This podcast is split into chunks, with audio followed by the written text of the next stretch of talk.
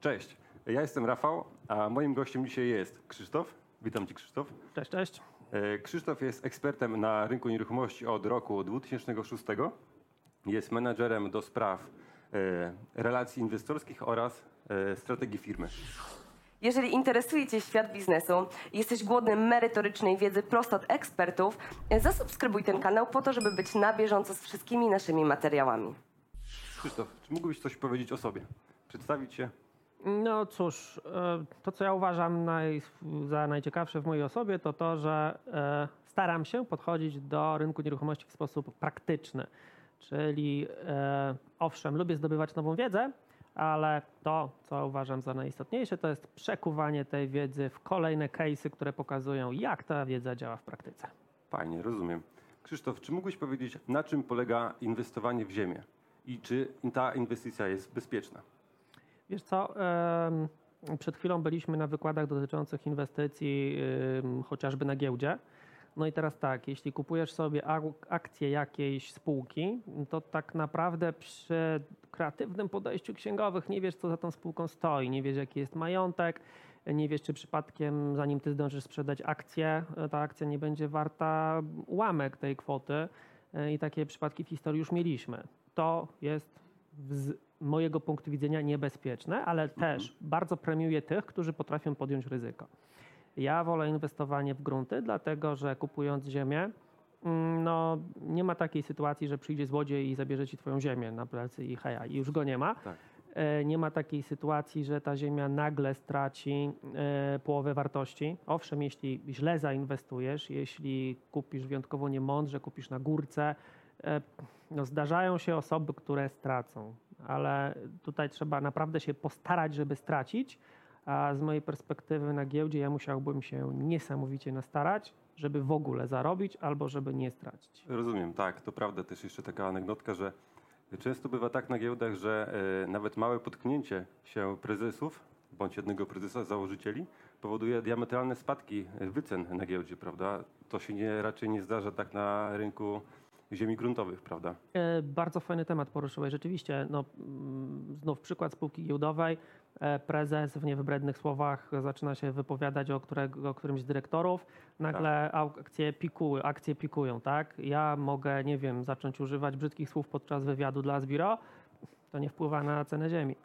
Dokładnie. A Krzysztof, czy mógłbyś powiedzieć nam, e, na co zwracać uwagę przy inwestycji w ziemię? I też może na czym polega inwestowanie w ziemię? Wiesz co, jeśli chodzi o e, samo inwestowanie, to ja podchodzę do tego w, na wiele sposobów. Jest wiele modeli, które możesz zastosować. Możesz sobie kupić prostą, nieskomplikowaną działkę na już, na teraz. Możesz sobie kupić e, działkę e, rolną, którą będziesz trzymać w długim terminie. Możesz sobie kupić działkę rolną, którą podzielisz na działki mniejsze, ale rolne. Możesz też dokonywać odrolnienia, możesz zmieniać e, przeznaczenie tych gruntów. Tutaj modeli jest bardzo dużo. E, Co ciekawe, też da się e, inwestować przy małym kapitale, nie zawsze trzeba chwalić się dużymi pieniędzmi. E, Co do mm, tych ostatecznego wyboru modelu, no to wiesz, przychodzisz do mnie, mówisz, że ja chciałbym zainwestować takie pieniądze, jestem skłonny do takiego i takiego ryzyka, bądź taki i taki czas inwestycji przewiduję. Super, na pewno coś wspólnie wymyślimy. E, Teraz co do sprawdzenia różnego rodzaju e, informacji, które mogą spowodować, że ta inwestycja będzie dobra bądź niedobra. To też ja mam swoją listę rzeczy, którą sprawdzam, natomiast takim bardzo podstawowym modelem, który możesz sobie założyć, e, jest model, który teraz, co ciekawe, jest dosyć popularny. Zobacz, e, jesteś z jakiejś miejscowości, znasz jakąś okolicę, dobrze się tam czujesz, wiesz jak ta miejscowość się rozwija.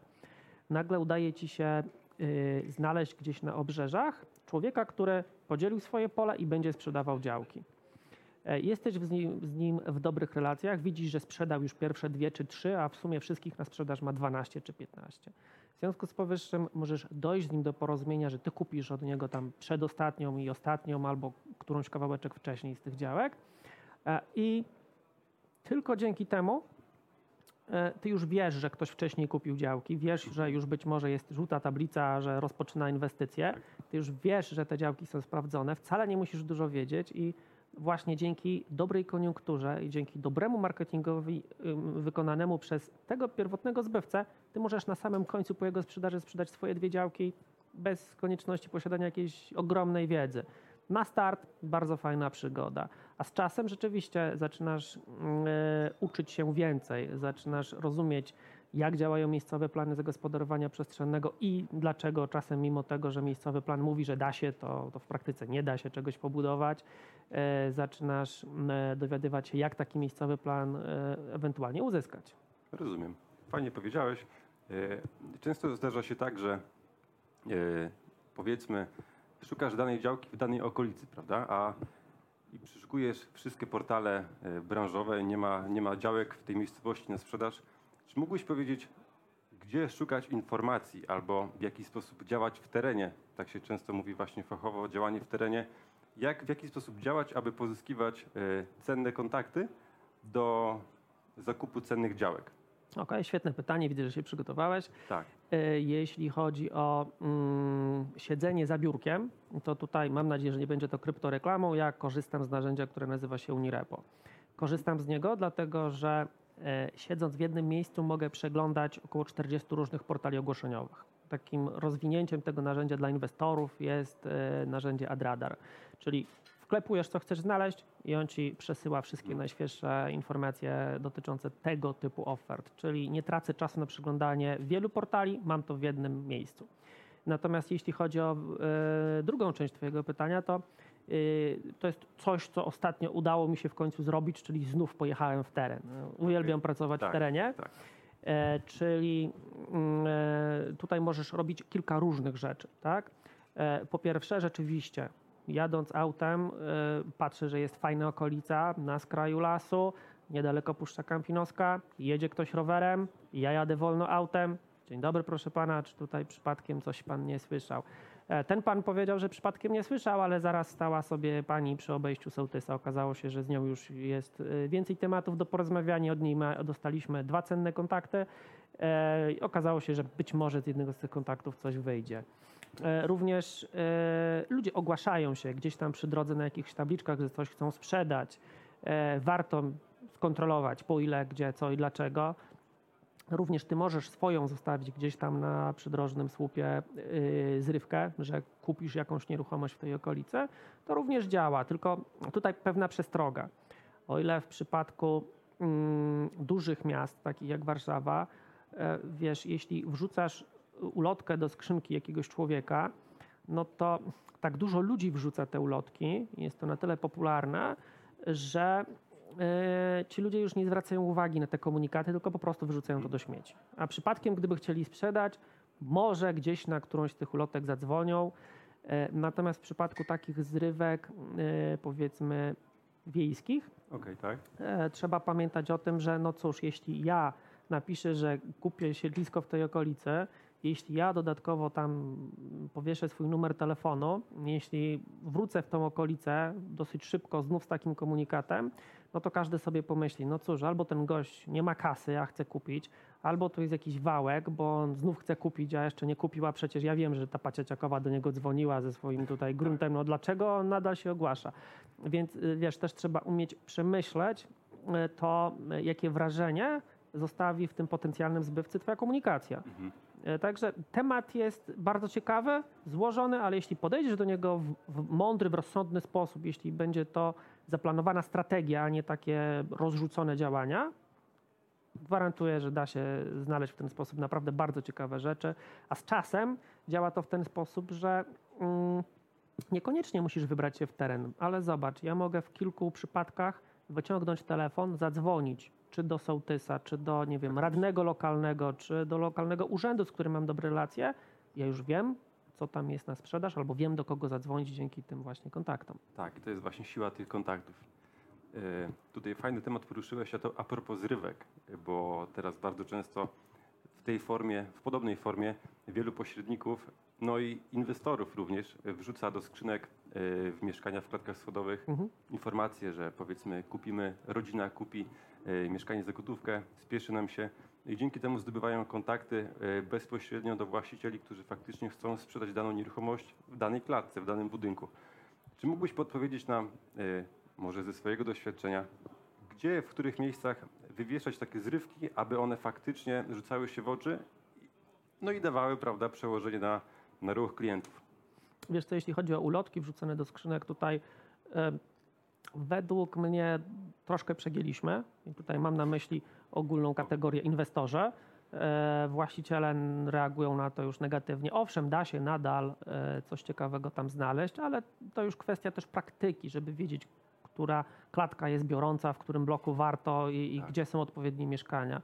No wiesz, jeśli ja widuję inwestorów, którzy wrzucają swoje ulotki do nowo oddanego budynku, gdzie jeszcze nikt nie marzy o tym, żeby sprzedawać, nie myśli o tym w ogóle, bo dopiero co kupił. No, nie wiem, czy jest to celowe działanie. E, Natomiast jeśli chodzi o mój model, czyli typowo grunty, e, to e, zrywkę typową, że coś tutaj chcę kupić, ja lubię powiesić w punktach, gdzie wiem, że mm, jest spory ruch lokalny i taki spory ruch lokalny na wsi zazwyczaj jest w okolicy sklepu, w okolicy urzędu gminy, gdzieś być może w okolicy kościoła. E, W, maju przecież będzie to kapliczka. Faktycznie. Tak, tak, tak. E, Krzysztof, takie mnie pytanie naszło teraz. A propos tych inwestorów, o których rozmawialiśmy, e, czy zdarzyło Ci się, ponieważ właśnie z tego powodu naszło mnie to pytanie, bo często gdy rozmawiałem z inwestorami ze swojego doświadczenia na rynku nieruchomości mieszkaniowych, to często właśnie ci inwes- inwestorzy nawet często nie widzieli danych mieszkań, które kupowali, bo robili to ich no, pracownicy, tak? Czy Tobie zdarzyło się, bo Ty również jesteś inwestorem na, na rynku gruntów, z tego co wyczytałem, gruntów rolnych, tak? E, Czy tobie się zdarzyło, że dajmy na to, sprawdziłeś na Google Maps bądź e, Google geo, na geoportalu, że sprawdziłeś, że dana działka ci odpowiada, pojechałeś ją kupić, nie oglądając jej wcześniej, a następnie okazało się, powiedzmy, że faktycznie tam rośnie, nie wiem, lasek na przykład, a wcześniej tego nie było e, widocznego w internecie z tego powodu, że dane informacje były sprzed trzech lat, dajmy na to. No Wiesz co, e, to tak, mm, odpowiedź na twoje pytanie podzielę na dwie części. E, Pierwsza rzecz, zdarzyło mi się w ten sposób sprzedawać nieruchomości. Tutaj pozdrowienia dla Zbyszka, bo on jest człowiekiem, Okej. który kupił ode mnie mieszkanie bez oglądania. Wiedział, że, wiedział, żeby się będzie spinać, tak? Powiedział, ok, ja to kupię. E, Ja sam kupiłem tego typu nieruchomość.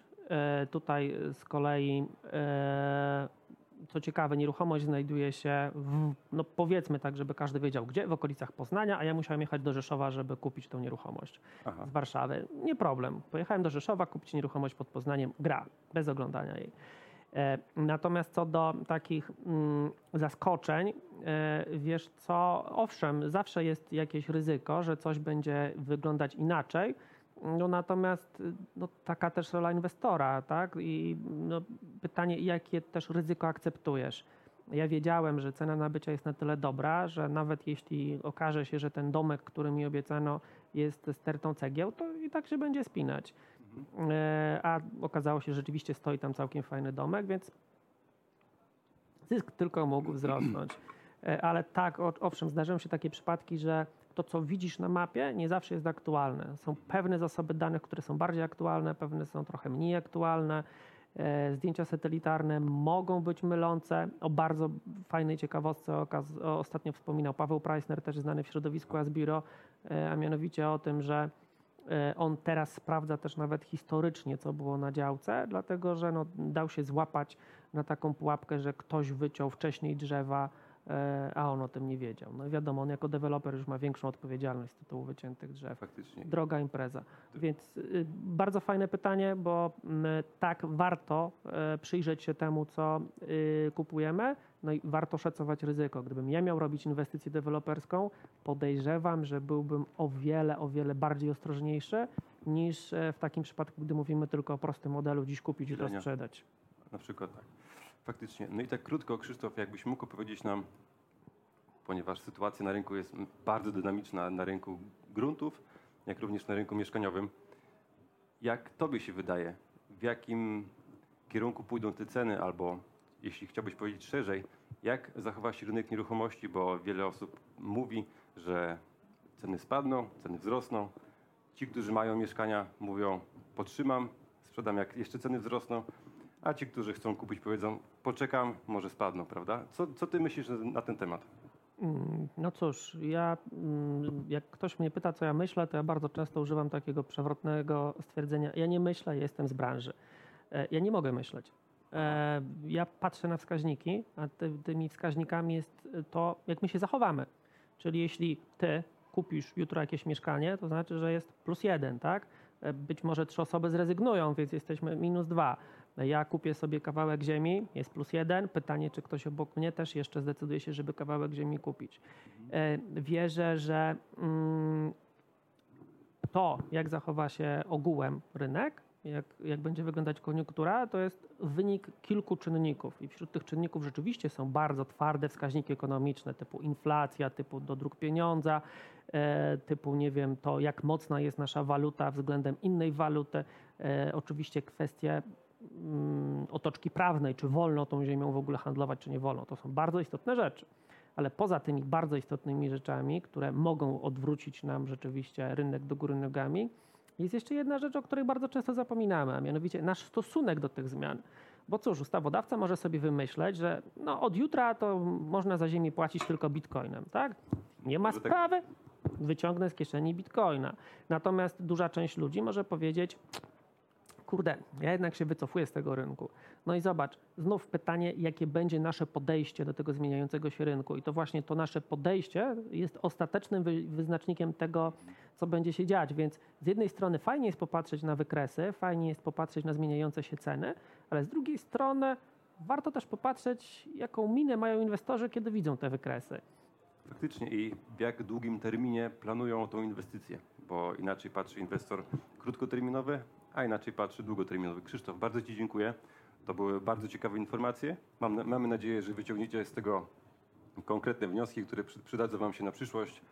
Subskrybujcie, udostępniajcie. Dziękujemy. Do, do, do zobaczenia w następnym odcinku. Świetny wywiad, dziękuję i cześć. Cześć.